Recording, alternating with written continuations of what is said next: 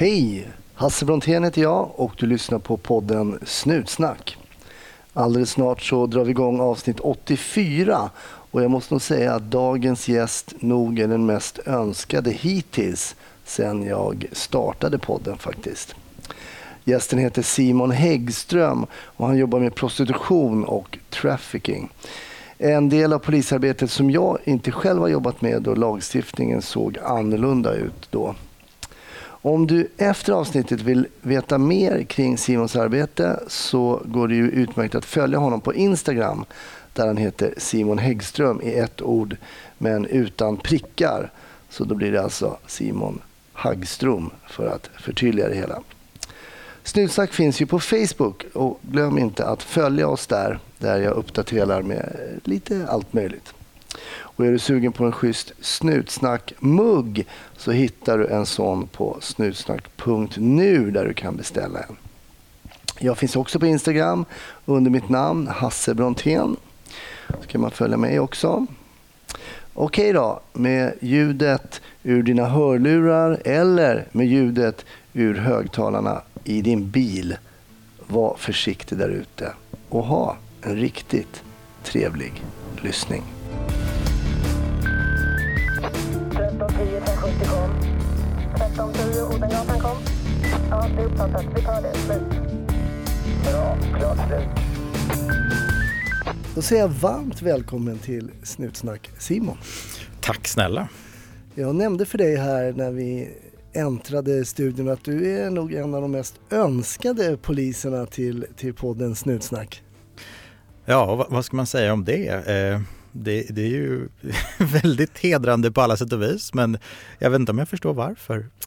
Jag kan ha en aning om eh, varför. Du, eh, du, du kan väl avslöja vad du jobbar med just nu och sen ska vi kanske återkomma till det sen. Men... Ja, just nu och faktiskt sen mer än tio år tillbaka så jobbar jag med eh, människohandel. Kanske låter lite sådär krångligt men människohandel för sexuella ändamål eller det som de flesta känner igen som ja, prostitution. Mm. Det är det som jag har specialiserat mig på.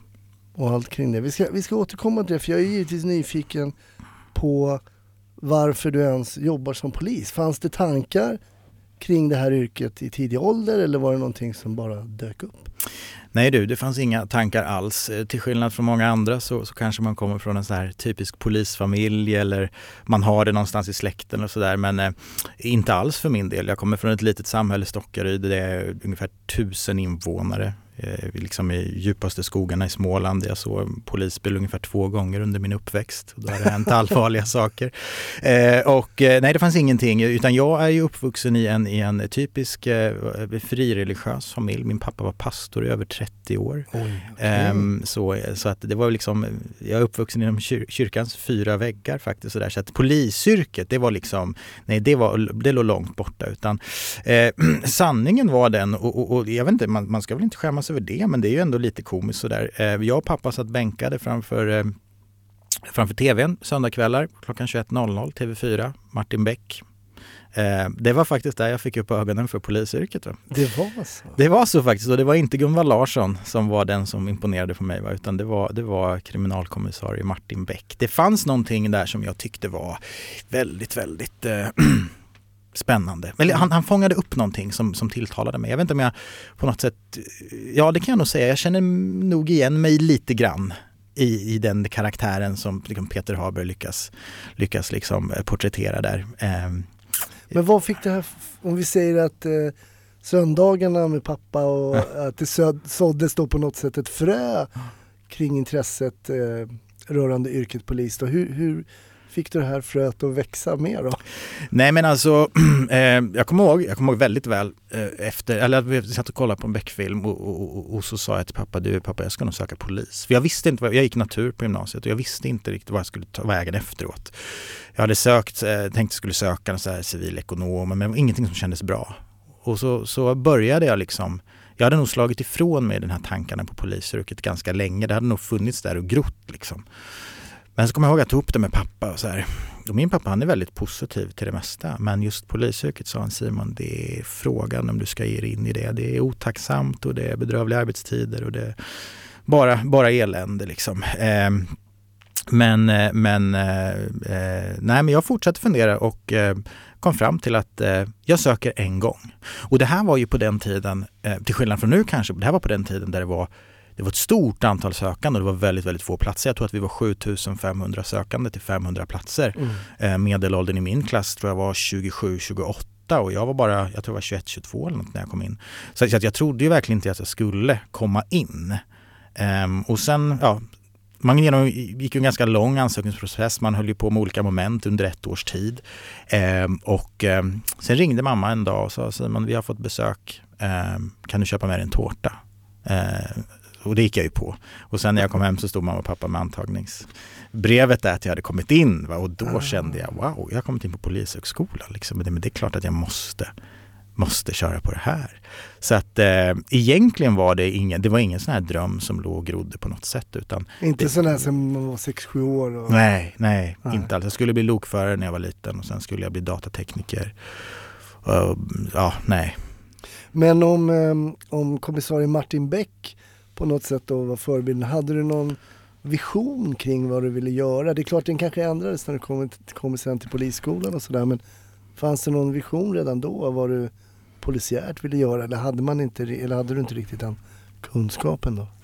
Nej men alltså det, där- det där är lite roligt för det har jag tänkt mycket på. Eh, när man söker till, till polisen, jag vet inte hur det ser ut idag men jag misstänker att det är diverse intervjuer och sådär som, som, som det alltid har varit. Och så kommer jag ihåg man får den här frågan, varför vill du bli polis?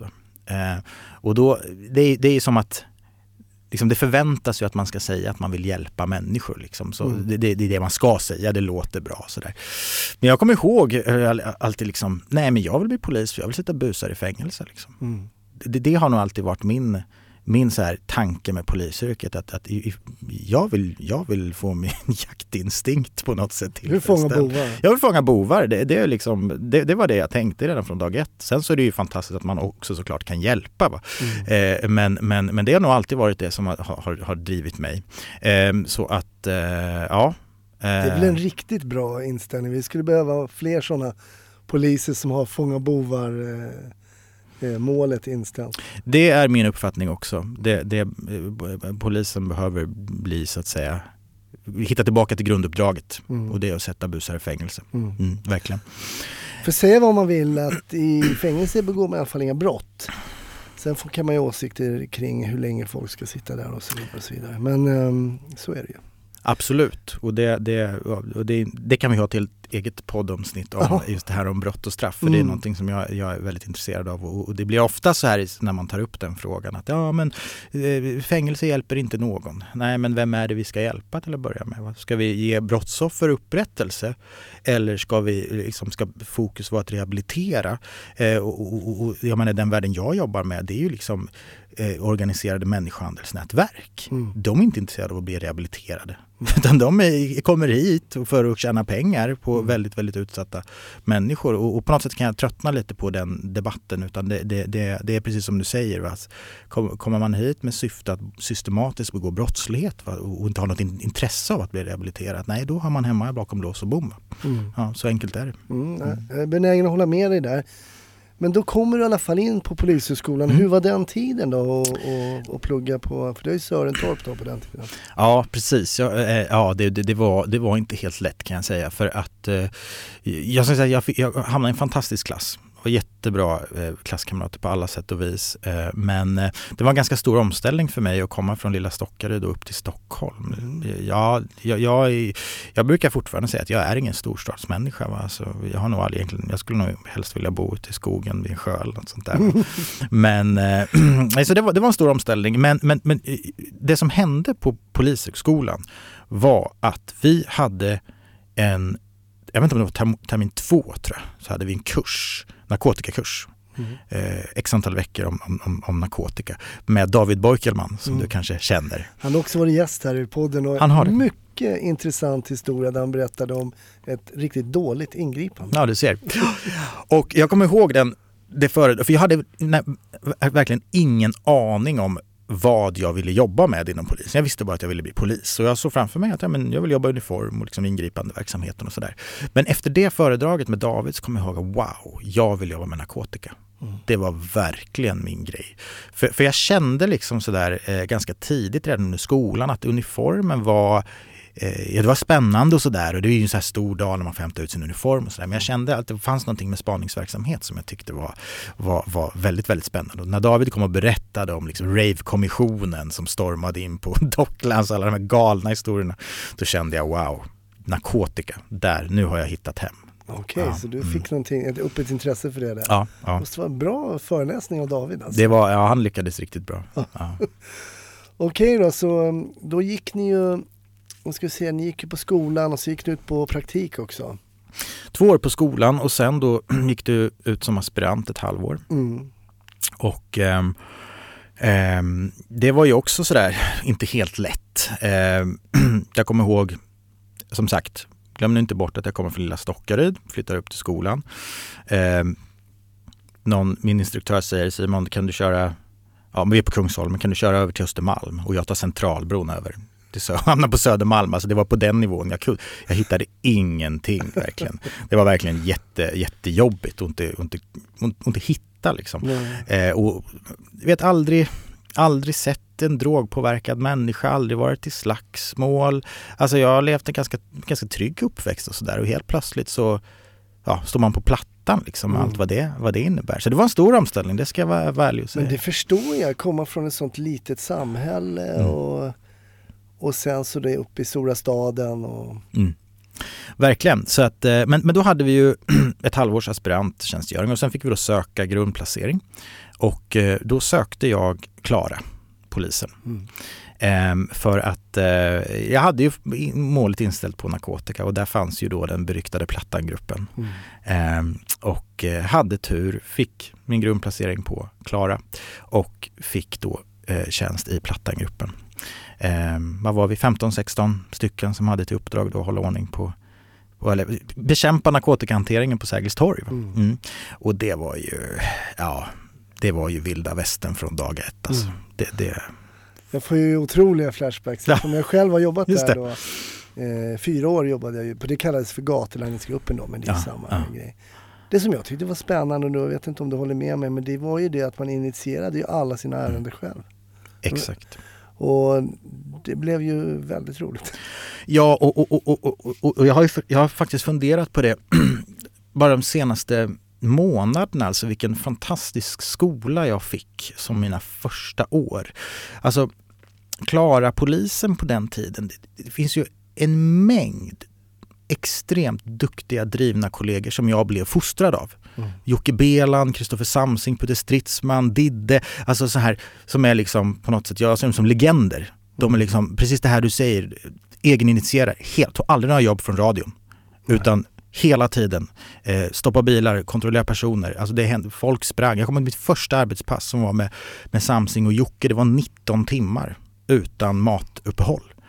Och, och jag kommer ihåg när jag gick hem, det var alltså mitt första pass som, på Klara då. Tänkte, så här resten av Ja. livet, fram till pension. Nej, men det, och jag, alltså det var slagsmål med fotbollshuliganer och de prejade någon bil av vägen, det var biljakt och jag, jag tänkte jag kommer, inte, jag kommer inte överleva här, jag måste komma bort härifrån. Och man är då splitterny och liksom uniformen blänker och man bara inser att nej, jag hänger inte med alls på vad det är som händer här. Utan man bara springer efter. Och, och, och, när man liksom fostras i den andan som, som eh, Klara-polisen hade där med, med otroligt många drivna medarbetare. Vi hade ju olika grupper. Va? Så Plattangruppen var ju bara en grupp. Vi hade, Mm. vi hade stöldgruppen med Peter och kompani som jagar ficktjuvar över hela stan. Eh, vi hade våldsgruppen som bara jobbade mörk tid på Vasagatan utanför McDonalds, plockade, liksom, avbröt slagsmål och, och liksom plockade ut sådana här som ja, inte ska vara ute på stan. Alltså det var, Mm. det var ett, otroligt driv. Och det, det, alltså den tiden har, har, har format mig något så otroligt mycket Mm. som polis. Det engagemanget som jag fick där, det har jag verkligen försökt behålla. Ja, men det är intressant faktiskt när man ser på de poliser som har jobbat i de här grupperna. Många av dem, nu kan, men jag märker att det är kanske lite så när du återberättar din tid, att många av dem som jag jobbar med visar sig vara drivna i väldigt mycket annat också. Mm. De var väldigt drivna i sitt polisiära arbete och, och eh, några av dem jag jobbade med på nere på Plattan där, de är ju polismästare idag. Mm. Mm. Så att, ja. Sen om det är roligare, det återstår att se. Men jag, just den killen har jag bjudit in till podden för att Han gick verkligen den långa vägen Mm. från ja, Plattan då och sen polismästare. Okej, då är du där på Klara. Men hur är det här tempot då? Kan du komma in i det till slut? Kan du liksom släppa Stockaryds tänket där? Och, Ja, det var en viss skillnad att gå från liksom järnvägsparken i Stockaryd till Sergels torg i Stockholm. Alltså, det kommer man ju inte ifrån. Nej då, det kan jag. Och, och, och ju mer man lär sig, och i synnerhet inom narkotikapoliseriet, ju duktigare du blir på preparatkännedom, tydliga tecken och överlåtelser och liksom de här falkögonen som man vill ha, alltså desto roligare blir det ju. Och, och, och folk försöker springa ifrån dig och det, alltså det, nej men jag, jag, jag kommer ihåg vi- det var ju det var inte riktigt sunt emellanåt. Jag kommer ihåg när vi kunde göra 18.03 pass och man var på jobbet redan vid 12.01 på dagen. För man tyckte det var så kul att bara vara på station. Liksom. Man gick Mm. ut och började jobba långt innan man började och mörkade för cheferna och grejer så att de inte skulle märka någonting. Alltså det är inte friskt. Nej, det, det var inte, men det var lite den, den, den liksom arbets, det, arbetsmoralen på Mm. Klara. Många älskade sina arbeten. Alltså Mm. det, det, Nej, det är häftigt att höra. Och det samlas ju en, en viss typ av poliser till de här grupperna som Mm. ju just man är medveten om att det krävs ett visst driv. Man kan inte stå och vänta på att radion ska höra av sig och säga att vi tror att någon säljer knark eh, nere vid plattan. För då ska du redan vara där Mm. och se det där själv. Och det märkte man att en del är inte lämpade att ha de tjänsterna. Det märkte man en del Mm. som kom ner. Vi hade aspiranter eller så som kom ner som inte var riktigt med i Mm. matchen. Och det innebar inte att de var dåliga poliser på något sätt. absolut inte. Men just det där krävdes kanske någonting speciellt. Och Mm. just det, ja, men jag springer runt kvarteret, jag gör det, jag tar genvägen. Jag tror att de kommer gå dit. Och mycket som man lärde sig med allting. Det var ju en jäkla... För, för mig är det nog mina bästa fyra år när jag var där nere och sprang tror jag. Ja, och sen så ska jag väl vara helt ärlig med att på något sätt så var man ju ganska överhettad där nere. Mm. Eh, det var ju mina första år när jag kom in i det här. Jag, jag började ju klä mig på... Jag, jag sprang runt i liksom Palestina-sjal, bombarjacka. Jag hade en pin som det stod I love drugs på, på min jacka och så hade jag så här, ja, men t-shirts med ja, majaplantor och allt möjligt. Och folk kom ju fram då och ville sälja knark. Och Mm. jag sa ju, men kom jag vill köpa allt du har. Så gick man runt hörnet och så grep man dem och det slutade ju alltid med katastrof. Alltså det blir så när man är mörk Mm. eh, hyad också. Va? Och liksom, eh, det här är ju 12-13 år, det var inte jättemånga mörkhyade eh, eh, poliser Nej. vad jag, vad jag minns då. Utan Du då blev det så här, ja, ja, eh, på, ett väldigt, på ett väldigt smart sätt. Och så tryckte man in sändknappen på radion och så hörde alla kollegor, jaha nu är det någon som försöker sälja knark till Simon igen. Och så slöt alla upp. Och så blev det ju fight då för att jag menar det är ju liksom, man inser ju då som langare att nu är det bara att ta sig härifrån. så att det var ju, det var mycket, mycket, mycket märkliga minnen. Och, och lätt att sitta och skratta också eh, så här i efterhand. Men det är också så att det finns en annan sida av hela plattan-problematiken och det är ju en extrem tragik. Alltså. Såklart. Ja. Det är det givetvis och den, den skuggsidan får man ju hela tiden då. Det som jag tycker är intressant och som har varit, för mig har varit lite svårt att förklara det är att man som polis då och eh, de vi jobbar mot bildar någon form av bubbla liksom. Man lär nästan känna en del på ett sätt som blir väldigt speciellt. Eh, man träffar dem många gånger, man pratar med dem, man visiterar dem. De börjar benämna en inte som snuten utan som Hasse eller de vet vad, de, vad man heter. Det blir, det blir ett konstigt eh, sätt att umgås med människor men som också är väldigt spännande. Det, det, jag brukar beskriva det där som en vänskap med taggtråd emellan. Alltså och det, och det, det kommer jag ihåg så många gånger. Va? När, man, för, när vi jobbade i Plattagruppen så, så jobbade man mycket själv. Man gick runt själv. Mm. Så när man hade någon så misstänkt överlåtelse, då kom kollegor och anslöt. Men ibland var man ju tvungen att göra ingripanden innan ens kollegor hade kommit. Va? Eh, och, och så man fick ingripa själv och så blev det fight och det blev brottning. De gångerna man fick hjälp så var det ju inte så att säga de vanliga människorna som kom från Åhléns. Utan de sprang ju liksom. Utan när man fick hjälp då var det oftast andra missbrukare som, som kom. Och det kunde vara folk som man hade själv hade fightats med Mm. några dagar tidigare. Jag minns ett sånt case. Jag fick hjälp av en kille som jag hade sprayat med pepparspray bara dagen innan och legat och slåss med. Sen så märker han då att jag, jag har någon form av underläge, jag inte ut situationen. Han kommer och hjälper mig. Va?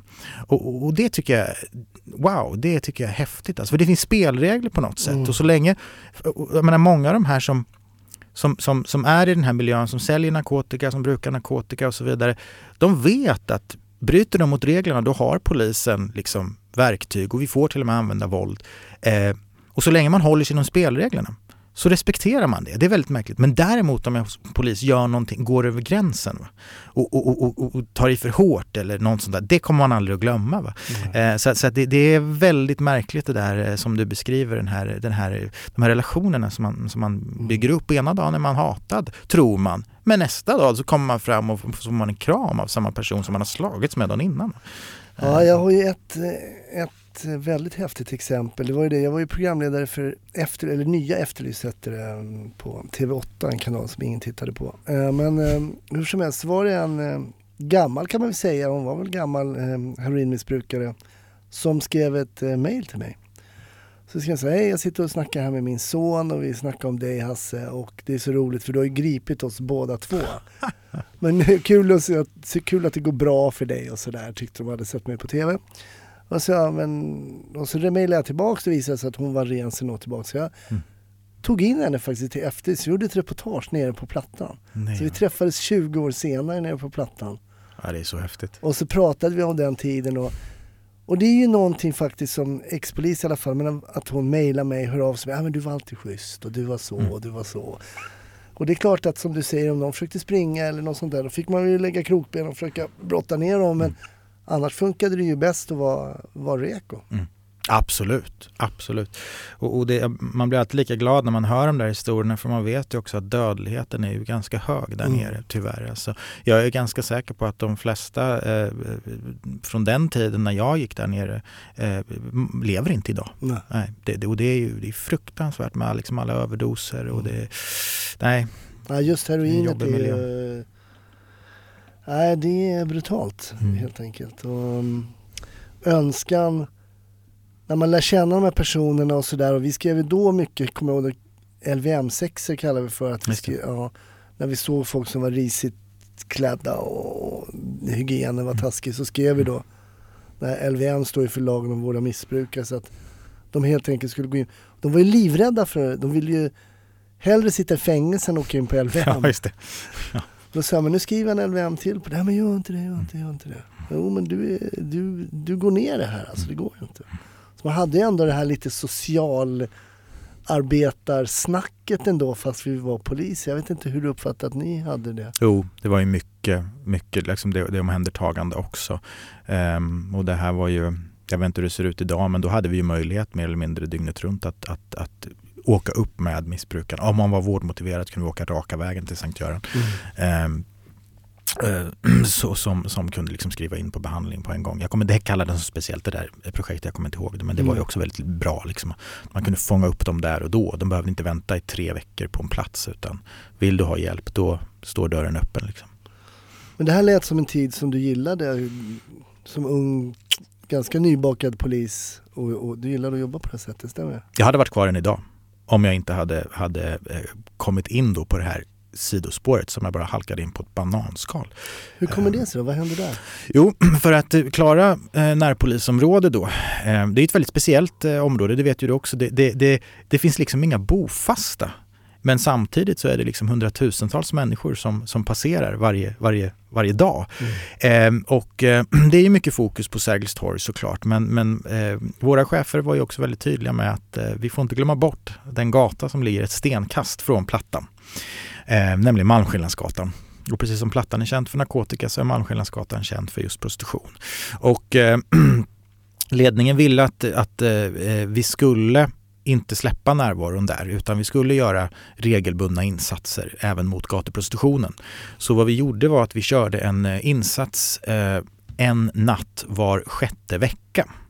Okay. Det var alltså en torsdag natt var sjätte vecka som vi kraftsamlade och körde en insats som, som gick ut på att gripa sexköpare och gripa eventuella hallickar. Eh, och det här var ju någonting som jag Alltså man ska ha klart för sig att det här med prostitution och människohandel har vi inte fick ingen utbildning i alls. Det mm. nämndes inte ens på skolan. Mm. Och jag tror inte man har någon utbildning än faktiskt, än idag i det ämnet, vilket är, är mycket beklagligt. Men, men så jag kunde ju ingenting om det här.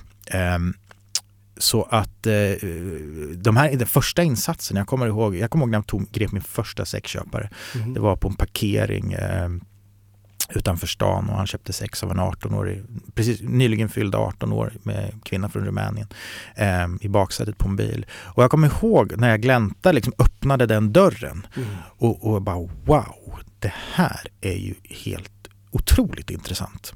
Mm. För helt plötsligt så, jag menar när man jobbar på Plattan då vet man ändå att det här är människor de är väldigt kriminellt belastade, vi kallar dem yrkeskriminella, vanliga kriminella, vi har olika ord för dem. Men man vet att det här är människor som är fast i tungt missbruk. Alltså man kan förklara mycket av sättet, alltså att de begår brott eller att de sätter kniven i ryggen på någon. Man förstår varför, för det finns ett missbruk, de liksom på något sätt ett tungt missbruk. Här helt plötsligt så står jag med VD på stort företag liksom, som har allt man kan önska sig. Barn, familj, en fin villa någonstans. Som åker och plockar upp en stackars kvinna som inte ens kan göra sig förstådd. Och liksom har sex med henne i baksätet på en bil, på en parkering. Alltså det, det, det, här fanns, kunde jag, jag kunde inte lägga pusslet på något sätt. Det, här, det, fanns, hur hela friden förklarar man det här? Och när jag, när jag fick börja jobba där uppe då så blev jag, jag kan säga så här, jag blev fast från dag ett. Jag kände wow, vad intressant. Och vad meningsfullt också att faktiskt gripa de här eh, männen som faktiskt väljer att utnyttja de här kvinnorna som kommer hit. Va? Och, och också blev jag otroligt fascinerad, vilka är de här kvinnorna? Va? För nu, för nu, eh, många tänker ju Malmskillnadsgatan, då tänker man ju på blandmissbruk. Va? Man tänker på, Exakt, på och det gör jag, det Ja, gör jag också ja. faktiskt. och så var det ju förr. Pratar man med Rolf Edin som jobbade liksom Mm. back in the days, var innan sexköpslagen infördes på, på 90-talet och då, liksom, då var det ju bara missbrukare. Men någonting hände ju när vi öppnade våra gränser och fick den fria rörligheten och så vidare. Alltså då, då, bli- då blev det ju helt plötsligt, jag menar förr flyttade hallickarna sina kvinnor från kvarter till kvarter kanske. I, idag flyttar man dem från land till land va? just på grund av att det är så enkelt att flytta eh, eh, eh, runt sina, sina Men flyttar man då som en, ehm, jag tänker som en, när man kör Formel 1, ett helt stall liksom på något sätt. Alltså missförstå mig rätt. Ja, nej, nej, jag förstår vad du Men menar. alltså att man har då, eh, hur fungerar det? Du får- Jag ställer alltså- frågan så istället. Ja, Jag förstår att det finns, fungerar på många olika ja, sätt. det, Men, det verkligen. men för oss som inte är så insatta i det här, hur, hur, hur fungerar det här? Till exempel det här första caset som du har Mm. då. Du sliter upp en bildörr, det sitter en 18-årig flicka från, från Rumänien och bara det, du berättar det här att du kom från Stockaryd, den lilla parken till Plattan. Mm. Men jag menar den här världen, Mm. Knark hade du väl hört talas om? Ja, ja, absolut. Men just den här världen med sexköp. Ja. Hur var det att komma in i en sån värld för dig då? Som, jag menar jag tänker på din frikyrkliga uppväxt. Ja, Det var väl det. inte mycket eh, horor man pratade om där? Nej, det var ingenting om, om, om eh, sånt faktiskt. Det var, Nej. jag visste knappt vad det var, höll jag på att säga. Men, men, eh, nej, men alltså, det var ju en fullständig chock när man förstod också hur stor Mm. den här, den här liksom kriminella verksamheten är. Mm. Och, och, och det är väl, jag tror att det är det som människor överlag i samhället inte förstår. Nej. Att det här är en sån enorm industri, men den sker i skymundan. Mm. För att eh, jämför du med mycket annan typ av brottslighet så syns den för tredje man. Man ser eh, folket på plattan. Eller man, om någon blir nedslagen på stan, ja då finns det en målsägare som ringer polisen förhoppningsvis. Det finns kanske ett vittne, någon som är ute och går med sin hund som ringer polisen. De slåss här borta. Men här har du en värld där du har en köpare, du har en säljare, du har en människohandlare eller hallick. Eh, ingen vill blanda in polisen. Eh, därför så, så kommer det här aldrig till våran kännedom om vi inte avsätter resurser och börjar titta på det här. Men om vi börjar vända på stenarna. Och det var ju det vi började göra där uppe Mm och insåg att oj, det här är ju jättestort. Och då pratar vi Malmskillnadsgatan där jag började. Det var bara toppen av ett isberg. Men Malmskillnadsgatan finns kvar, absolut. Men allting hade ju flyttat över till nätet mer eller mindre. Så vi såg ju bara en liten, liten del och det var ju när vi började jobba mot prostitutionen på nätet som vi, som jag, men vi har ju liksom vi kan ha 200 kvinnor som ligger ute till försäljning en, varje dag, en vanlig dag i Stockholm. Och som kommer från Nigeria, Rumänien, Ryssland, Ukraina. Hur hela friden har de kommit hit? Och, och apropå för att återknyta till din fråga angående de här, eh, liksom hur det ser ut. Ja, det finns ju allt ifrån alltså, avancerade kriminella nätverk som, som inte bara säljer kvinnor utan de säljer knark och vapen och allt man kan tänka sig. Och de är väl organiserade, verkligen. Men sen finns det allt ifrån löst sammansatta kompisgrupper som kommer hit, alltså som kommer från total fattigdom. Man har inget val. Och eh, killarna hänger med, sköter det praktiska, kör tjejerna till köpare och fixar boende och utövar beskydd. Eh, kvinnorna säljer sex Och så försöker man liksom tjäna pengar och så åker man tillbaka till sitt hemland. Så, så det är väldigt svårt att ge ett generellt svar för det kan se väldigt, väldigt olika, Mm. olika ut. Mm. För jag har upptäckt att och mitt på blanka dagen var jag och min flickvän var ute och gick så sa jag det till henne, det där var två prostituerade tjejer. Så jag. Mm. Hon bara va? Men lite polishöga har man ju kvar. Mm. Eh, men det var, det var två afrikanska tjejer som gick liksom inte bredvid varandra utan de kom i så här 40 meters avstånd och sneglade lite på, Mm. eh, på folk. Jag, var, jag är rätt övertygad om att jag hade rätt i det Mm. fallet. Jag kan ha haft fel. Men jag tror att jag hade rätt.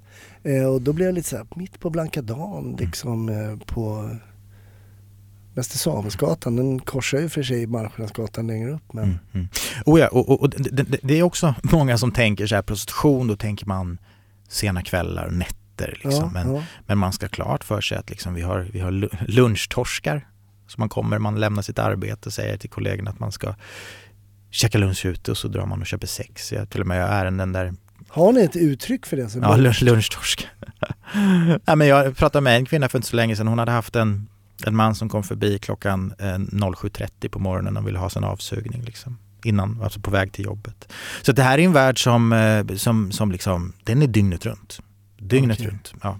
Och jag menar, vi har ju kvinnor som liksom inte får, de måste vara tillgängliga. Eh, deras telefoner, eh, annonstelefoner då, som, som ligger ute på nätet, de måste svara dygnet runt, 24 timmar om dygnet. Mm. Så att, vilket gör att alltså, många av de här kvinnorna lever ju i en enorm utsatthet. Va? Man får inte sömn, man är hela tiden rädd för vem som ska stå på andra sidan dörren. Du har liksom, får utstå grova sexuella handlingar, alltså tillfredsställa de här snubbarnas fantasier. Alltså man blir snabbt eh, nersliten för att Mm. tala klarspråk. Och, Mm.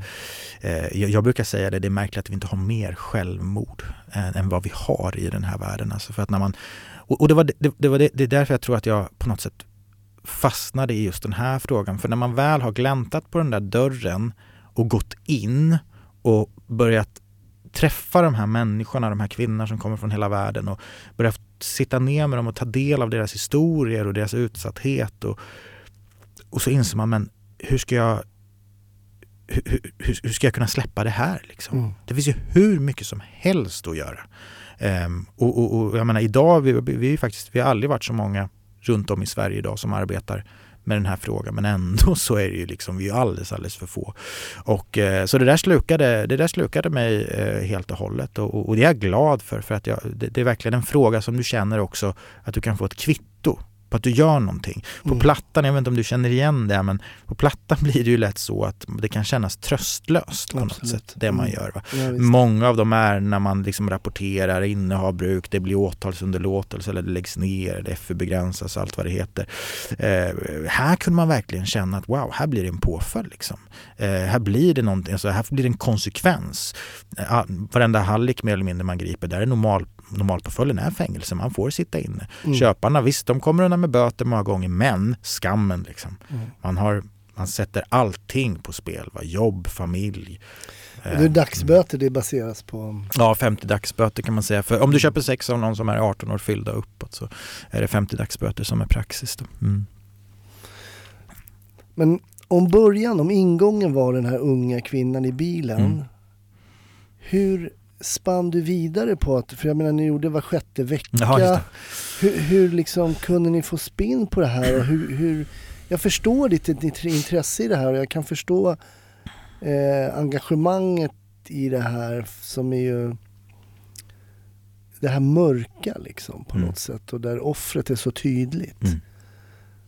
Men hur fick ni, fick ni mer resurser eller vad hände där? Nej, det som hände var ju då att alltså nu finns ju inte närpolisen kvar på det sättet men, men, men eh, när polisen gick ut på att man skulle, alltså närpoliserna var ju fredade eh, för att jobba i sitt eget område vilket innebar att eh, vi drogs ju inte på de här 112 jobben på samma Mm. sätt som, som utan närpoliserna som jobbade, skulle, vi skulle jobba i Klaras område med Klaras problembild och det var narkotika, prostitution och stölder och våld.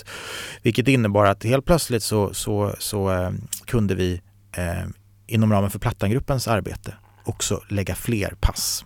Eh, där jag frågade min chef helt enkelt, är det okej om jag utöver de här gatuinsatserna lägger fler pass upp på Malmskillnadsgatan tillsammans med någon kollega. Och det började vi göra och det här, och det här blev, ganska, det blev ganska bra resultat och det blev också ganska oroväckande resultat för att jag kommer ihåg att vi under fyra veckors tid anträffade tre stycken minderåriga som gick alltså på, på öppen gata och sålde sex i Stockholm. Och det här fick ju mina chefer att liksom vakna upp. Vi måste göra någonting. Vi kan inte ha barn i vårt eget närpolisområde som, som säljer sex liksom och vi är knappt där. Vi har vi där en torsdag var sjätte vecka. Det är inte tillräckligt. Mm. Så då fick jag frågan eh, om, om jag ville eh, jobba på heltid på Malmskillnadsgatan i sex månader. Så det var så det här drogs igång och jag fick då arbeta tillsammans med en kollega som heter Anna som kom från Kungsholmens eh, närpolisstation. Eh, så vi, vi drog igång och eh, vi var där uppe, bara nattpass i sex månaders tid. Oj. Och så var det, det var någon regeringssatsning också på människohandel så vi hade, vi hade ett fritt uttag av övertid. Vi fick jobba mycket vi ville för de här pengarna var, var, var öronmärkta för operativa insatser. Okay. Så att jag kommer inte ihåg, vad jag, alltså jag kommer bara ihåg att jag var på jobbet. Men har du familj? Eller? Nej, nej, det, det, är väl en av de sakerna som har fått stå till sidan av det här. Ja, nej. Så, men, men det var de första åren, de var helt galna. Där, där var man mer på jobbet än, än vad, man var, vad man var hemma. Mm. Nu har man väl kanske en mer liksom, sund relation till sitt, sitt arbete. Men, men det var så jag kom in. Så vi hade det här projektet då, Prostitu Citys prostitutionsprojekt, på något sätt hette det, Citypolisens. Ehm, och eh, då körde vi och sen så, jag menar på de här sex månaderna, vi, vi fick ju sånt resultat så att man beslutade att nej, det här måste permanentas. Ja, men för jag tänker det måste ha varit oerhört spännande också. Då pratar jag rent polisiärt när man kommer till någonting som ingen har skrapat mm. liksom ens på ytan nästan. Så ni, jag kan tänka mig att ni fick ganska mycket information i början och kom åt ganska mycket intressanta... Oh ja, Stockholmspolisen hade ju en människohandelssektion som, som eh, jobbade, det här var ungefär samtidigt då som bland annat härvan med Göran Lindberg, mm. eh, Kapten Klänning uppdagades och sådär. Och, och, det var Jonas Trolle då som ledde spaningen mot, mot Göran Lindberg. Det var, var liksom hans, han, han fanns som ett bollplank för oss. Men det som var stora skillnaden var här att människohandelsgrupperna som hade funnits, de hade oftast jobbat med, med större ärenden. Vi pratar långa spaningstider och, och stora ärenden med liksom lägga pussel. Vi var ju liksom, vi applicerade ju hela gatulangningstänket från plattan mm. på prostitutionsvärlden. Hade, satt vi mer än ett par timmar så blev vi, var vi uttråkade. Vi var ju gripa hela, hela tiden och störa ut. Och det var ju, det var inte bara att vi grep för köp av sexuell tjänst. Vi, vi, vi lobbade personer, liksom, mm. potentiella torskar, kastade dem i fyllecellen, vi sa att de var fulla. Vi körde PL13, avvisade dem, avlägsnade dem, körde ut dem hit och dit. Eh, alltså, vi skrev böter, vi plockade körkort när vi sa att de körde mot rött. Och, alltså, det var, vi, vi, vi verkligen det här, den här, där man har de första åren när man liksom ser allt och vill rapportera allt. Mm. Det liksom på något sätt förde vi över till, till, till gatan och det var, så, det var så märkligt för att jag vet inte om du har hört talas om ängen på Malmskillnadsgatan, Elise Lindqvist. Hon har varit ganska mycket... Igen det. Ja, igen det. Hon jobbar med Klara, Klara kyrka då, så de står ju där varje, varje helg i, gula västar och sådär gör ett fantastiskt arbete. Vi fikar och pratar och sådär. Och hon, hon, fick ju, hon har ju många år haft det här. Hon är ju hon är en bra bit över, över, över 80 idag. Och fick, har ju det här liksom ängen på Malmskillnadsgatan delvis. Och, och, och, ganska snabbt så började det liksom snacka om att liksom det hade kommit en dödsängel till Malmskillnadsgatan och det var det jag. Alltså. Jag vet inte hur det kändes riktigt sådär. Det, var inte så helt Nej, det lät ju inte som Nej. någon bra, men då hade de kanske missuppfattat det. Jag kan tänka mig att det, det det smeknamnet tynade bort efter ett tag? Nej men det var, det var, det var köparna som hade gett ah, mig det här ah, namnet. Klart, ja, ja, så, det fick jag reda på eh, omvägen. Och det var liemannen och så var det dödsängen ah. och sådär. Det var lite, så det tog jag nästan lite som en komplimang. Sådär. Um. Men du säger ni applicerade då det här uh, lite snabbare tänket, alltså gatulangningstänket på mm. prostitutionsärendena. Mm. Hur var reaktionerna? För jag menar om du hade jobbat med gatulangning, man tar båda händerna på någon som mm. precis har köpt en kapsel heroin. Men här måste du liksom ta tag i en annan person kanske. Hur var reaktionerna när du öppnade bildörrar eller portar eller vad, vad det nu kan vara hos de här männen då som blir gripna för de här, det här brottet, sexköp? Ja, det, alltså man ska ha klart för sig att det, det är ganska starka krafter i, i, i, liksom igång här för att det här är män med väldigt mycket att förlora. Mm. allt att förlora. Så att eh, man måste ha ett högt säkerhetstänkande. Eh, det, som, det är klart att någon ibland har tagit fighten med en, men, men, men inte alls som nere på Sergels torg. Där var det egentligen mycket mer våldsanvändning. Men här har man en, det här handlade mer om att man vill försöka undkomma. Man vill fly. Och ska man göra ingripanden i bilar och sådär, man låser in sig, man försöker starta motorn, försöker åka och liksom man får dra rutan och liksom sådana här saker. Så det gäller att hela tiden ha ett säkerhet, för du vet inte, för att den här personen är väldigt, väldigt flykt, flyktbenägna. Mm. Eh, Medan andra är ju helt bara liksom sätter sig ner, river sönder sin skjorta, bara storgråter. Mm. Eh, så det är liksom verkligen alla reaktioner och det, det, var också någonting som vi märkte ganska tidigt att vi är inte vi är, inte, vi är poliser. Eh, vi är inte rustade för att ta hand om de här köparnas reaktioner. Okay. Eh, för vi har alltså haft ärenden där Kände män... ni det? Ja, ja absolut. Ja. Och, vi, och vi har alltså haft ärenden under åren där män har gått hem och tagit sina liv. Alltså det, det är på den nivån vi pratar. Alltså det, det här är, liksom man ser att mitt liv är förstört. Man har försökt ta livet av sig och man har till och med i enskilda fall också lyckats ta livet av sig. Så helt plötsligt så insåg vi att vi måste ha hjälp. Och då hade ju socialtjänsten då det här arbetet KAST som det heter, köpare av sexuella tjänster. Det är alltså, det är alltså samtalsterapeuter som bara jobbar med eh, män som köper sex. Okay. Eh, så eh, vi fick igång ett väldigt bra samarbete där vi hade med oss eh, Johan då som han heter, en av mina närmsta vänner idag, eh, var med oss ute på fältet Ehm, och eh, satt i baksätet. Varje gång, gång vi gjorde ingripanden och så där, då lämnade vi över, så tog socialtjänsten över. Så att eh, då kunde vi fånga upp både, både köparna, de som mådde dåligt och även givetvis de som sålde. Man förstår ju det, de begår ett brott de här killarna, de köper en sexuell tjänst. Men vad händer med en tjej i det här, till exempel den här 18-åriga tjejen när man rycker upp dörren. Mm. Vad, vad, vad händer med henne? Jag tänker, till att börja med är det nog viktigt att sätta bilden hur det ser ut idag för att vi har ju alltså inte, det är inte missbrukskategorin som är eh, i majoritet utan de är i minoritet. Utan den stora gruppen som vi har idag, egentligen både, alltså, både, både gatuprostitution men, men, men också i den stora arenan vad gäller internetprostitution och då menar jag kvinnor som sitter i lägenheter på hotellrum. Där har vi den utländska gruppen som dominerar och då är det Rumänien på första plats och Nigeria på andra plats. Så har det varit under mina år i detta. Så har det alltid varit de två länderna som har har, har dominerat. Sen tredje, trean och fyran, det är lite olika. Det var Ryssland och Ukraina har det varit nu mycket på sistone.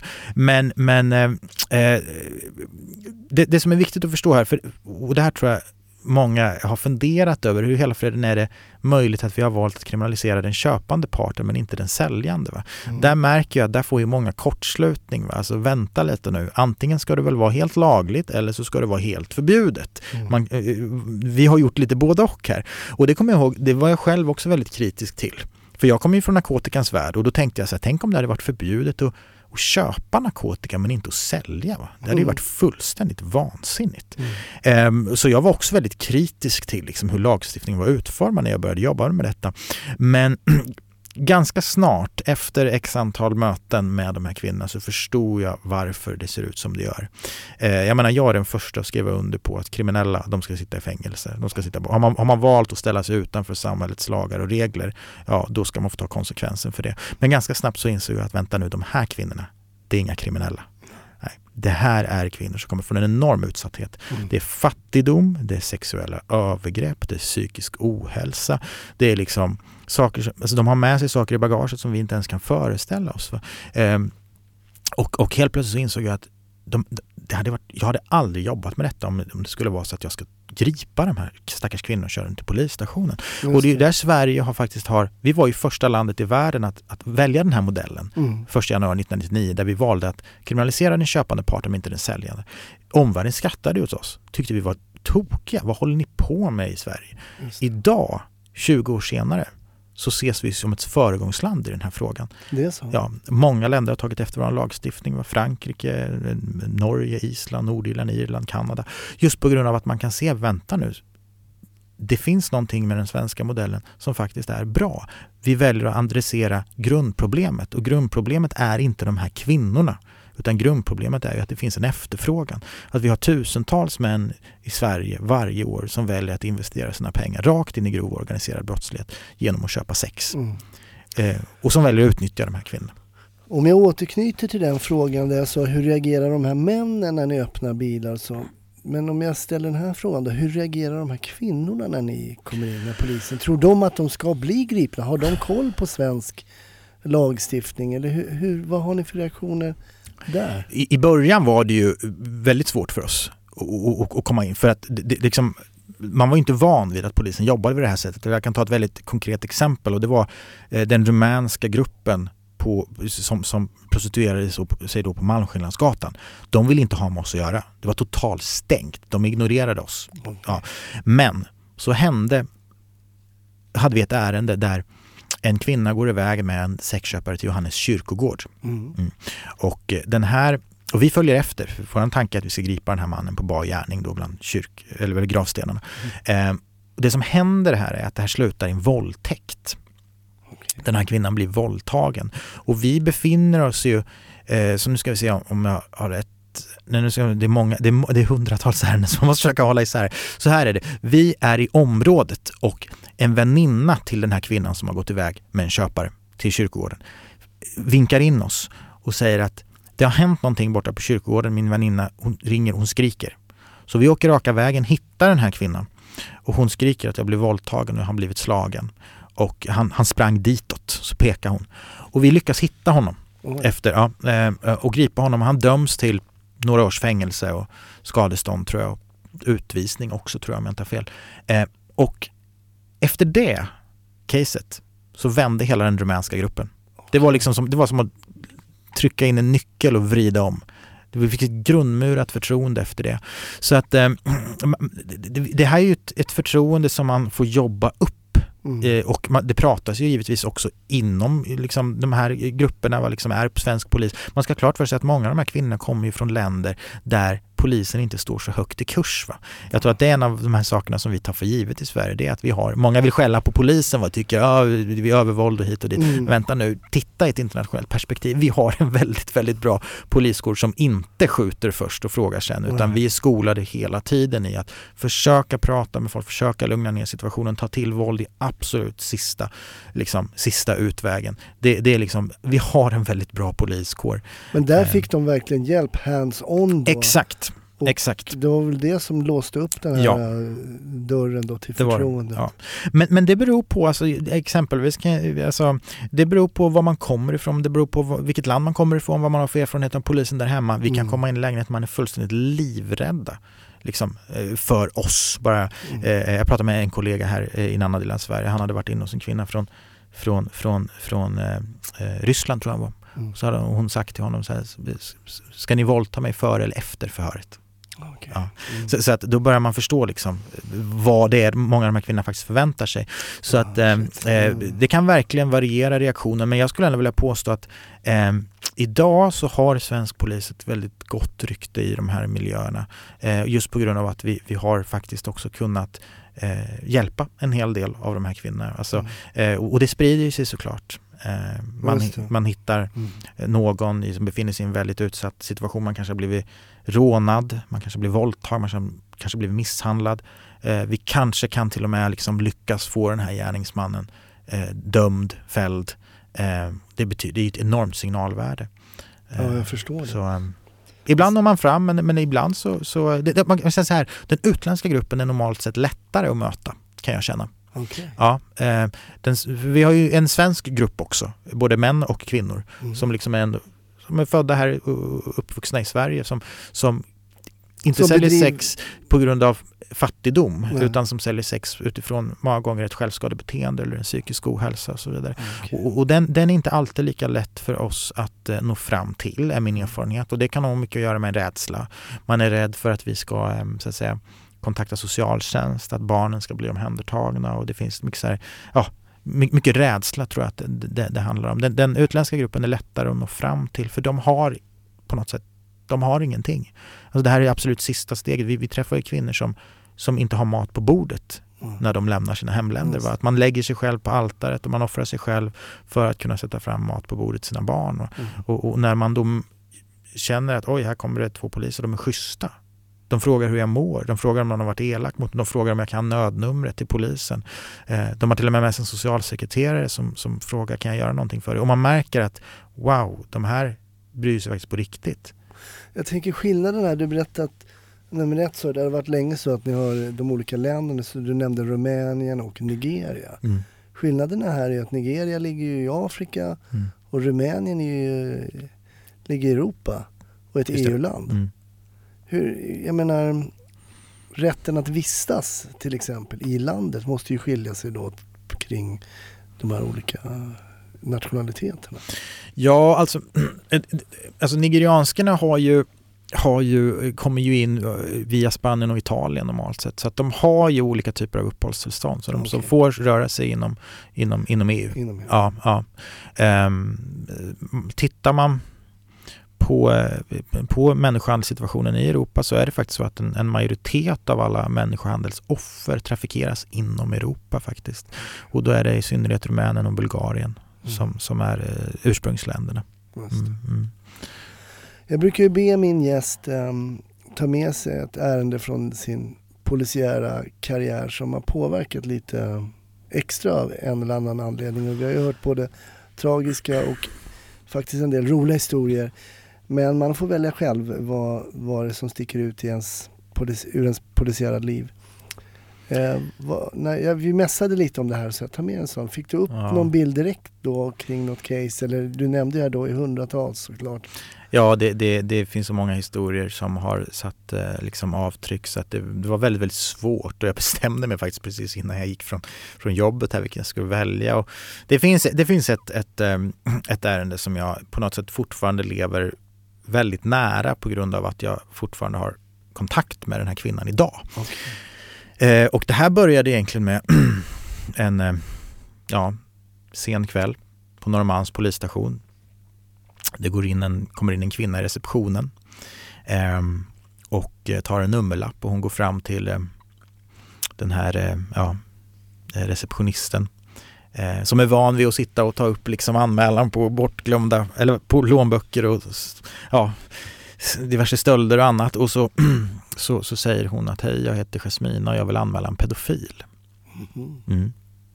På, på, på knackig engelska då.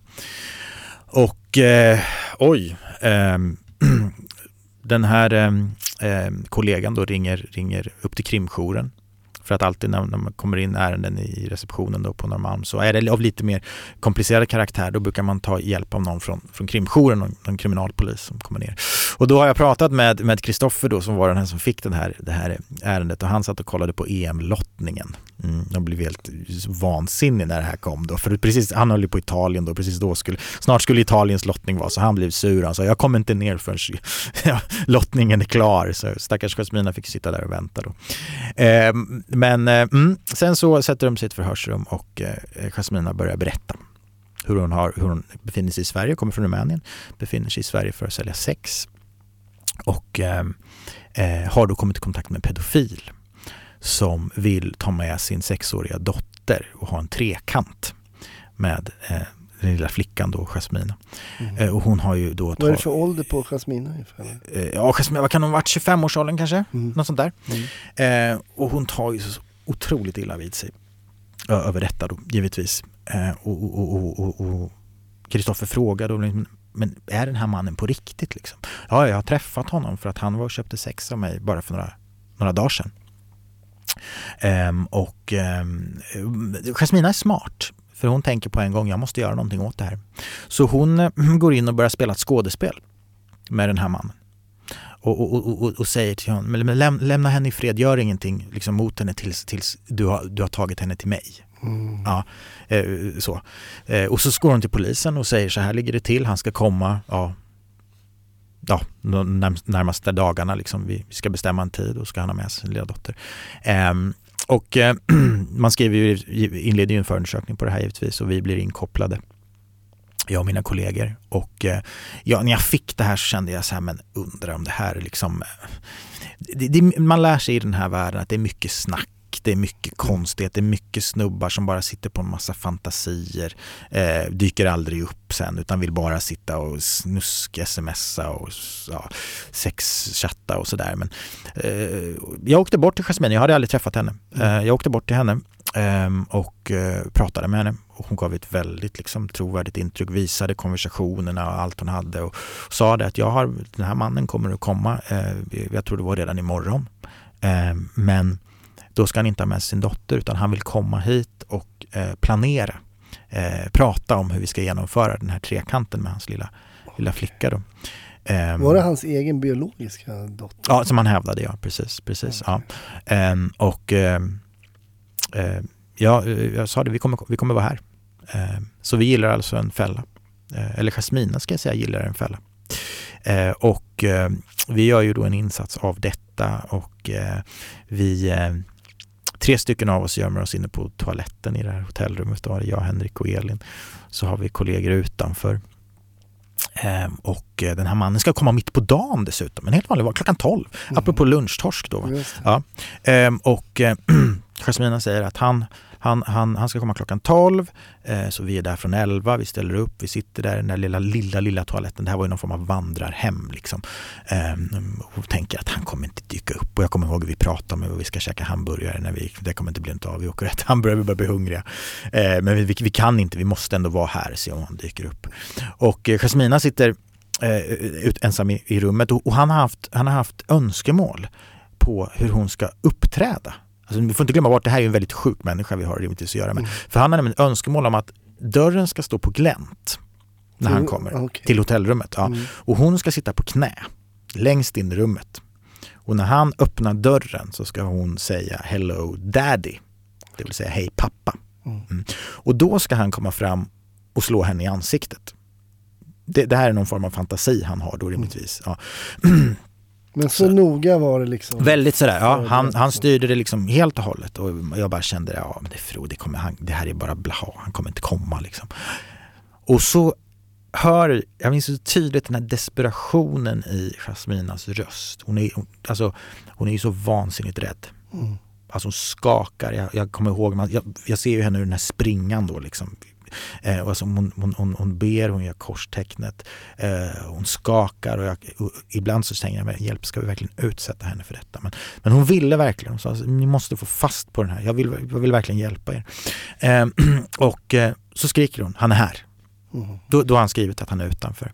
Och de där sekunderna, för man hör det här knarret i trappan att någon kommer och går. Eh, och man hör liksom hur det knarrar i golvet, man hör stegen och så hör man att precis utanför det här rummet så, så stannar, upphör de här stegen. Men hur kan du växla? För att sekunderna innan så du tänkte nu går jag på en början. Ja. Så då är det ju ganska low key, ja. det kommer inte hända någonting. Den mentala förberedelsen sjunker och så plötsligt bara, ja. han är här. Hur växlar man upp det här? Det, det, är ju den stora utmaningen, tänker jag, för alla eh, poliser. Alltså jag, jag tänker så här, duktiga poliser är de som lyckas eh, hitta det där, att de kan växla. För mm. problemet är om du går hela tiden på högsta växeln, ja, då, då, då, får du jätteproblem i hur du bemöter människor och liksom, du är hela tiden på helspänn, det funkar inte, du blir inte långvarig. Är du hela tiden på lägsta växeln och liksom tror gott om all, allt och alla och ingen ljuger utan ja, har du knark på dig? Nej det har jag inte alls, varsågod gå härifrån. Mm. Alltså det, det, det, man måste hitta det där kunna växla och hur, hur, jag har, hur jag har utvecklat det, det vet inte jag men jag tror att det har jag också Plattan att tacka för. Mm. Alltså de första tiden på Plattan, du blev ju uppäten. Mm tills du lärde dig att vänta nu.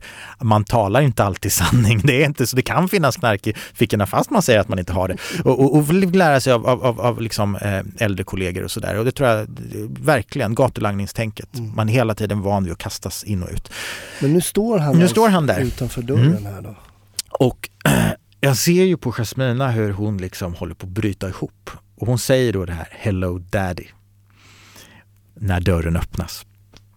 Och vi vill ha in honom i hotellrummet. För vi vill, jag menar det här är ju liksom, det är mycket människor runt omkring här och vi vill inte göra ingripande ute i korridorer och sådär för det kan liksom bli stökigt och det blir svårt för oss liksom med hotellpersonalen. De vill liksom måna om sitt rykte. Vi försöker göra det diskret. Liksom. Så vi vill ha in honom på hotellrummet men han har stannat precis i dörröppningen. Så Jasmina säger hello daddy. Hon väntar liksom att vi ska komma men vi kommer ju inte. Vi står kvar för vi vill liksom vänta in honom. Och så tar han ett steg in och hon säger Hello Daddy igen, fast mycket, mycket högre. Men vi, vi står kvar. Och sen så märker vi att han börjar gå. Och då, som jag minns hon bokstav, bokstavligt talat nästan skriker rent desperat bara Hello Daddy. Och då stormar vi ut. För vi vet ju att han ska ju fram och slå henne i ansiktet Mm. liksom, så att det är verkligen vi, här är det högsta växeln som gäller. Vi är liksom högt säkerhetstänkande. Han ska pang, han ska i backen liksom Mm. och beläggas med fängsel. Eh, och det som händer är att vi stormar ju ut men vi, vi, vi har ju sånt vi har ju sånt adrenalin så det är ju som kanonkula. Tre kollegor som flyger på honom och han, han kommer rakt in i en spegel som välter och går i liksom tusen bitar. Så vi ligger där i någon form av glas, spegelkross och brottas med honom och det blir ett fullständigt kalabalik. Um, och um, ja, eh, han blir gripen och jag kommer ihåg jag, en Då blir han primärt gripen just för ett sexköp då eller? Vad är han gripen för i det här läget? Ja, eh, det var ju det här som var också lite intressant när, man, när, man, när vi drog det här caset för åklagare och så vidare. Alltså vad, ska- vad ska vi lägga oss i brottsrubriceringen? Vad vet Mm. vi? Har han ens en egen liksom, eh, dotter? Vi visste ju ingenting här egentligen. Men vi hade ju ett, eh, ett, ett, ett, eh, sexköp historiskt sett att Mm. jobba med. Han hade Mm. varit köpt sex hos, av henne tidigare. Och, så det, vi hade en FU att jobba med där då.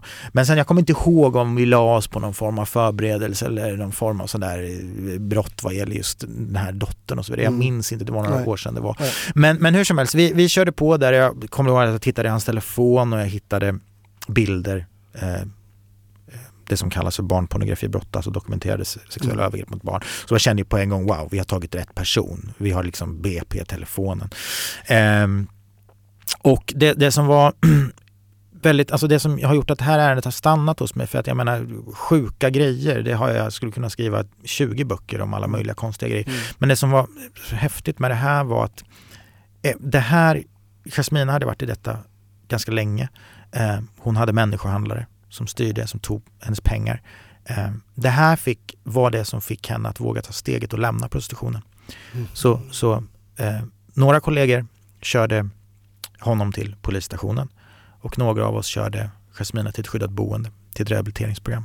Och eh, sen den dagen så gick hon aldrig tillbaka till prostitutionen utan idag lever hon ett helt vanligt liv. Eh, hon jobbar eh, någonstans här i Stockholm. Eh, hon brinner för att hjälpa kvinnor eh, som befinner sig i samma situation som hon en gång var och gör ett fantastiskt arbete.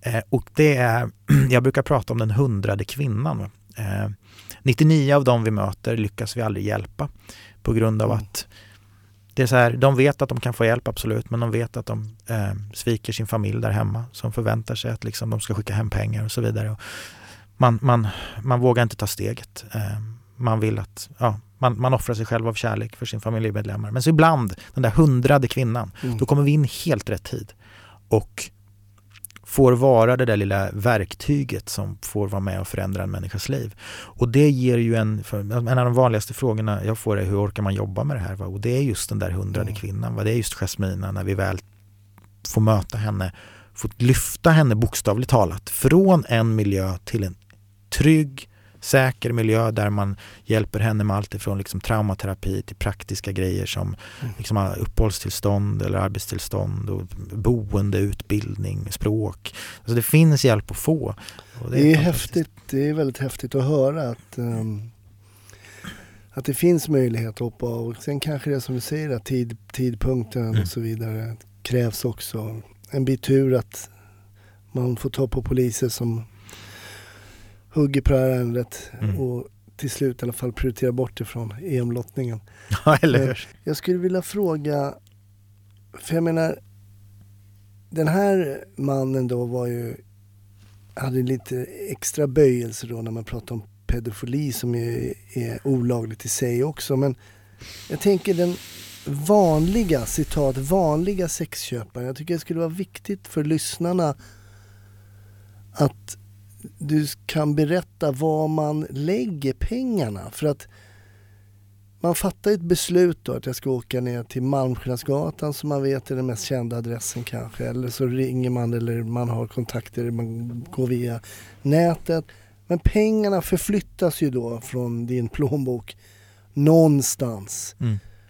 Du har ju pratat om kriminella ligor och sånt men vart tar pengarna vägen och vad är det man, vad är det man göder när man lägger pengarna på, på in, inte nog med att man då utnyttjar en, en, en persons kropp och så vidare men jag tänker mer på den kriminella delen där. Mm, mm. Man brukar ju säga så här att i, i prostitutionens värld finns inga vinnare. Va? Mm. Eh, men, men, men, men det stämmer inte riktigt. Eh, för att det finns vinnare och det är just de här som människohandlarna, hallickarna, de som ligger bakom och styr detta. Va? Eh, många köpare vill ju på något sätt intala sig själva på något sätt att, att, att de hjälper kvinnorna genom att köpa sex. Va? Ja, de, de tror så här, ja men jag förstår att det här är kvinnor som kommer från väldigt fattiga förhållanden men genom att köpa, det är bättre att jag köper sex av, av henne så får hon åtminstone liksom pengar och kan, kan på något sätt ändå få ett bättre liv. Mm. Men då, då tänker man ju bara att ja, man kommer in i lägenheten, man ger henne de där sedlarna och så tror man att de stannar där. Va? Och så att, ja, hon hade ingen hallick. Jag frågade till och med, har du någon som får du behålla dina pengar själv? Och hon svarade ja. Mm. ja. Eh, men vad man ska ha klart för sig att när det gäller den utländska gruppen så går mer eller mindre alla pengar rakt ner i människohandlarnas fickor. Eh, sen kan det vara olika överenskommelser som man har. Jag har träffat alltifrån människohandlare som låter sina så att säga, kvinnor behålla 50 procent. Mm. Och han var betraktad som väldigt, väldigt generös. Eh, han hade väldigt gott anseende bland kvinnor för att han lät kvinnorna behålla så pass mycket. Eh, sen har vi ärenden där man får behålla kanske 20 procent, kanske 10 procent. Och tyvärr har vi många ärenden där man, det visar sig att man inte får behålla någonting. Va? Där man, där man alltså lurar kvinnorna. Man tror att de... Man kan ta den nigerianska gruppen exempelvis. Mm. Där, där, där, om, man ska förenkla saker och ting där eh, väldigt mycket ska man säga så de har, en, de har en skuld som de måste betala av. Och det här är ju kvinnor som kommer från, som, från, från stamsamhällen, alltså byar mitt ute i skogen som kanske inte ens vet vad en hamburgare är för någonting. Eh, som rekryteras eh, och får veta att vi betalar alla omkostnader till Europa. Det förlo- som i deras värld är det förlovade landet. Här går vi på gator av guld. Det är det de, det de vet om Europa. Vi, vi betalar allting men du får betala tillbaka det här när du kommer fram. Mm. För vi har fixat ett jobb som hårfrisör till dig. Och så säger, säger man, hur mycket är den här skulden på? Den är på 50 000. Jaha, ja men det är inte så mycket. För vad tänker man då? Jo, man tänker på sin egen lokala valuta, naira. 50 000 motsvarar en eh, sjuksköterskas månadslön ungefär. Det är alltså en summa som går att betala tillbaka. När man väl har liksom förts till Europa som en helvetesresa i sig genom Saharaöknen upp till Libyen och sen båtarna över Medelhavet och sen står man där på Europa, i Italiens kust och sen så kanske man hamnar på Stureplan exempelvis. Jag har jättemånga nigeriansker. Eh, jag vet inte om du är ute någonting men, men, men tänk Jo, på det nästa ser- gång. Ja. ja, Det är nigerianska kvinnor som står liksom utanför Rish och ända bort till svampen. Eh, och, och, och då står man där och så inser man att okej, det fanns inget jobb till mig. Utan jag ska, jag, ska, jag ska sälja sex, jag har inget val. Och den här skulden, den var inte i naira utan den var i euro. Mm. Och helt plötsligt så, så sitter man med en halv miljon i skulder som man måste betala av innan man överhuvudtaget får tjäna en enda krona själv. Ehm, plus då att man har använt, och det här kommer vi inte ha tid att prata om, men just de nigerianska människohandelsligorna, de använder en, en, en, en gammal tradition som heter juju. Eh, som en voodoo-ritual. Jujun betyder väldigt mycket för de nigerianska kvinnorna från Edo State som alla kommer ifrån. Eh, eh, och där man tar dem till en juju-präst där de får av, eh, svära en ed, gå igenom en ritual. Vilket gör att de är bundna till sina löften. Och håller de inte löftena, va, då finns det andar som kommer att skicka sjukdom och infertilitet och så vidare. Ja, det finns... Det är som den gamla tidens voodoo-dockor, man stack nålar Mm, liksom, på samma sätt. Och vi skrattar ju åt det här. va. Men Absolut. för dem är det en absolut sanning. Nej, jag har träffat på lite voodoo också, just afrikaner som man har gripit och sådär och ska skära loss grejer. Man tror Mm. att de har gömt knark i Ja, och de flippar exakt. ju totalt. Ja. Och det är klart, det är som du säger, vi tycker att det är väldigt, väldigt Ja. konstigt. Jag tycker det är jätteintressant med din historia här som du berättar om Jasmina här. När man går tillbaks när du berättar om varför du ville bli polis. Och då sa du, det var egentligen inte så mycket för att hjälpa mig, jag ska vara ärlig, Mm. just det. utan det var för att jag ville fånga bovar. Ja. Men om man lyssnar på det du säger och på det du gör idag så är det ju förvisso att du fångar bovar, eh, sexköpare och förhoppningsvis också hallickar och Mm. gärna de här eh, kriminella ligorna. Men du ger ju en oerhört stor hjälpande hand också. Ja. Sviker du dina tankar här kring det polisiära arbetet i början?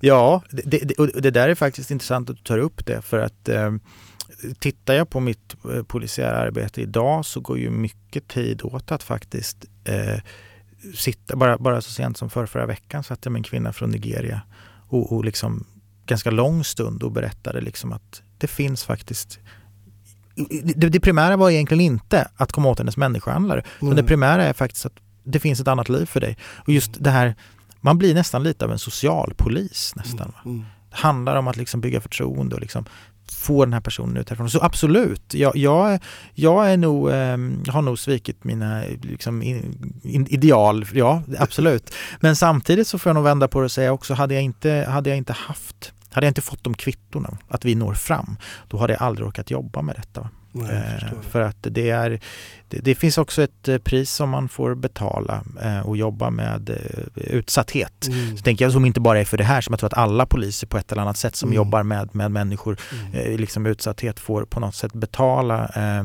man, man kan ibland, jag kan ibland, vad ska jag säga, vara avundsjuk på den här rosa bubblan mm. som många människor lever i. Där man, där man är helt omedveten om vad som faktiskt händer. Mm. Eh, och på något sätt, ibland kan jag förbanna att jag valde det här yrket också, även ifall fast jag, jag har egentligen aldrig ångrat det, verkligen inte. Men ibland kan jag känna, tänk om jag hade bara levt ett helt vanligt liv mm. och inte vetat all skit. Jag lyssnade på en podd med um, där min komikerkollega Henrik Schyffert var gäst.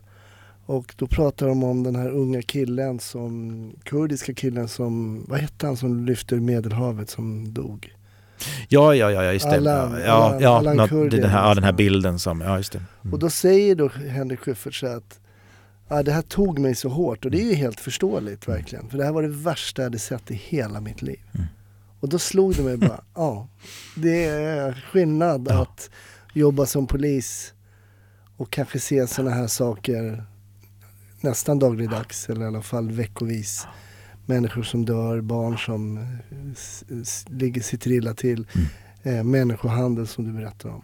Men emotionellt då, hur tar du det här? Hur tar du det här, liksom, eh, det här sättet att jobba och ta in alla de här tragiska ödena? Och det är också som jag kan tycka är väldigt jobbigt, det andra människor gör mot det vi gör mot varandra som människor så att säga, det här totala utnyttjandet och den här, kan man känna, bristen på empati. Mm. Eh, hur, hur hanterar du de här bitarna? Det, det, jag tror så här, i Sverige så har vi under lång tid varit väldigt förskonade eh, från den här, den här ondskan som du beskriver. Det är väl först nu som på något sätt börjar vakna upp. Vi har en ny samhällsbild på något sätt med mm. allt ifrån folk som skjuts på löpande band, det är människohandel och det är alla möjliga vidriga grejer. Um, jag kan tycka att vi i Sverige vi har levt i just den här rosa bubblan som vi var inne på tidigare. Vi har tänkt liksom att ja, men det är så här det ser ut mm. runt om i världen. Jag kan uppleva att vi svenskar verkligen saknar omvärldskunskap många gånger. Vi förstår inte var människor kommer ifrån för fruktansvärda sammanhang. Jag, menar, jag sitter med de här kvinnorna och bara hör om deras resa till Europa. Mm. Man tror inte att det är sant. Alltså, jag, hade inte, jag, hade, jag hade sannolikt tagit livet av mig.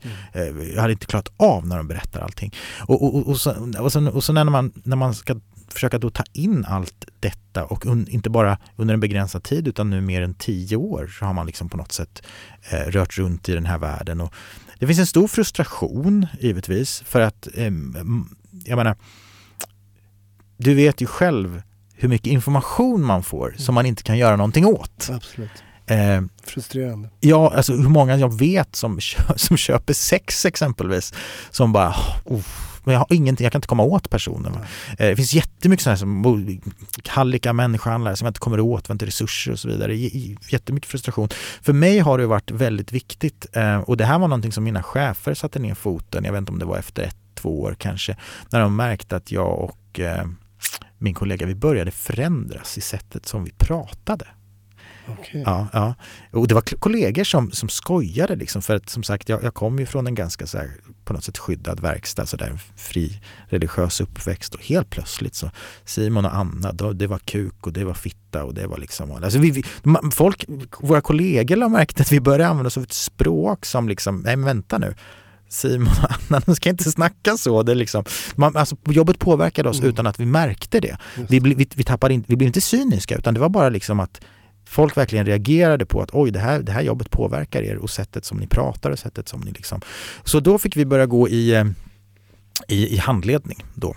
Eh, och det här eh, har jag fortsatt med och eh, det, ja, Eh, Katarina då som jag går i handledning hos eh, går jag också, eh, har jag också då i många, många år gått i terapi hos, alltså Mm. rent, rent personligt.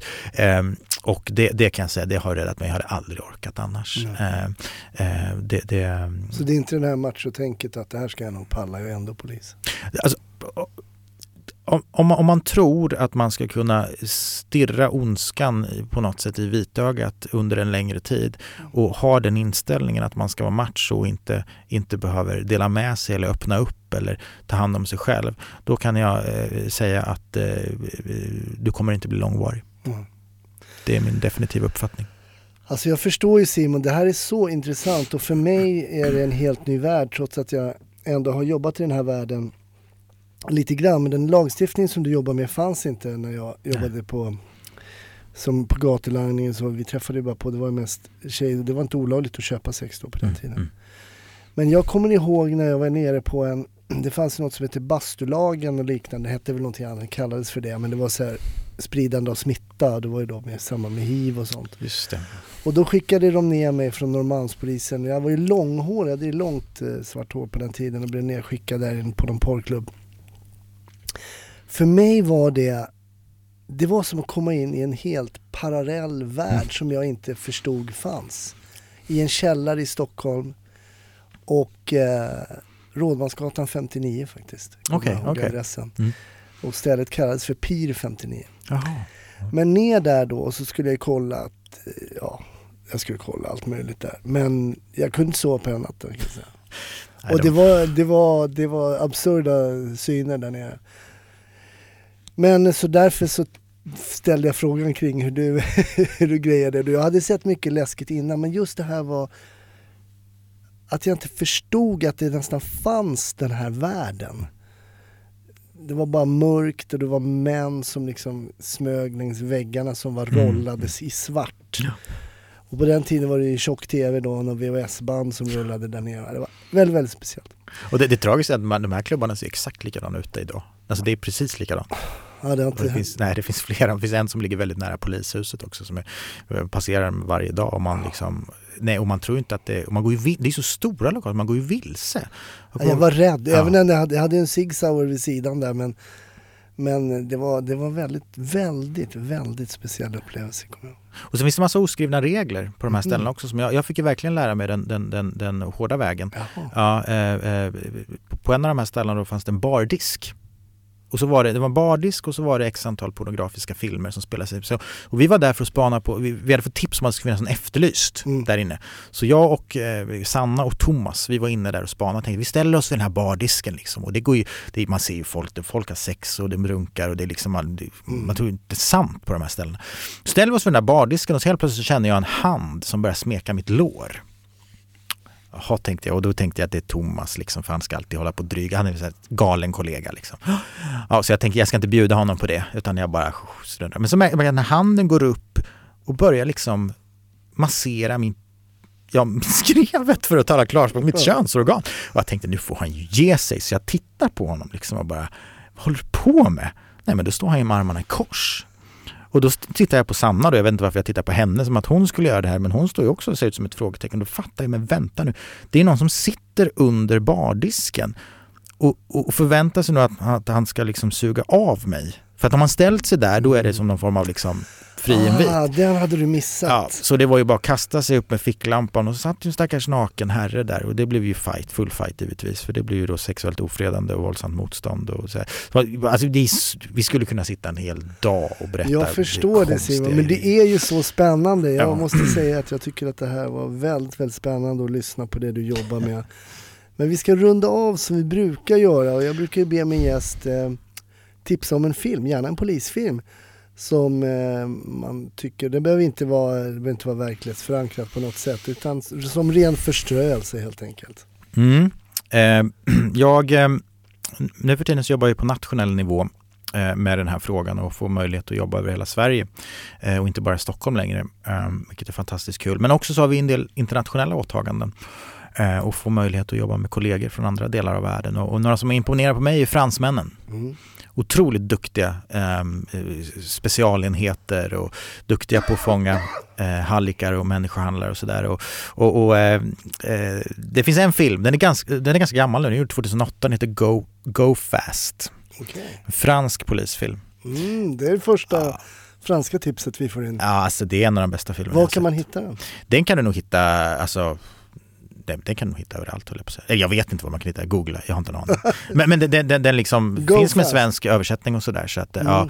ja, det handlar om, om, och väldigt verklighetstrogen också. Mm. Ska jag vilja påstå. Otroligt verk och bra gjord och det handlar om hur man följer en polis som infiltrerar eh, drogkartell. Tack för ett jätteintressant eh, polisfilmstips. Go Fast, fransk film. Men jag vet ju på tal om att, ehm, på, på tal om förströelse, så vet jag att du har författat en roman, stämmer det? Det stämmer faktiskt, precis. Skrivandet är ju någonting som jag har utvecklat också genom åren och apropå just det här med att eh, hur, hur man, det här med terapi så märkte Mm. jag ganska tidigt att, jag, jag, eh, att skriva om det man är med om och den här världen eh, var någonting som eh, jag mådde bra av. Så att eh, nu den 9 maj så släpper jag faktiskt min första roman. Och det är ju liksom mer eller mindre, ja, väldigt mycket av det som den här berättelsen handlar om då, där man får följa ett gäng människohandelspoliser. Det börjar med eh, en eh, ingripande patrull från Norrmalm då som blir larmad till en lägenhet eh, här i city där en mamma har hittat sin eh, dotter död i badrummet. Och eh, det här började då nystas upp en, en härva eh, som människohandelspoliserna eh, poliserna då får, får liksom eh, ta tag i. Och mycket av det här har ju hänt, har ju hänt på riktigt. Just det, var det Ja. jag tänkte fråga, hur Mm. mycket är baserat. Vad heter boken? Flickorna som sprang. Flickorna som sprang, kommer ut 9 maj. 9 maj, precis. Då finns Då den. rekommenderar vi den och Go Fast. Den har gått fast precis. Ja. Bra. Jag bugar och bockar Simon, stort tack för att du gästade Snutsnack. Tack för att jag fick komma hit.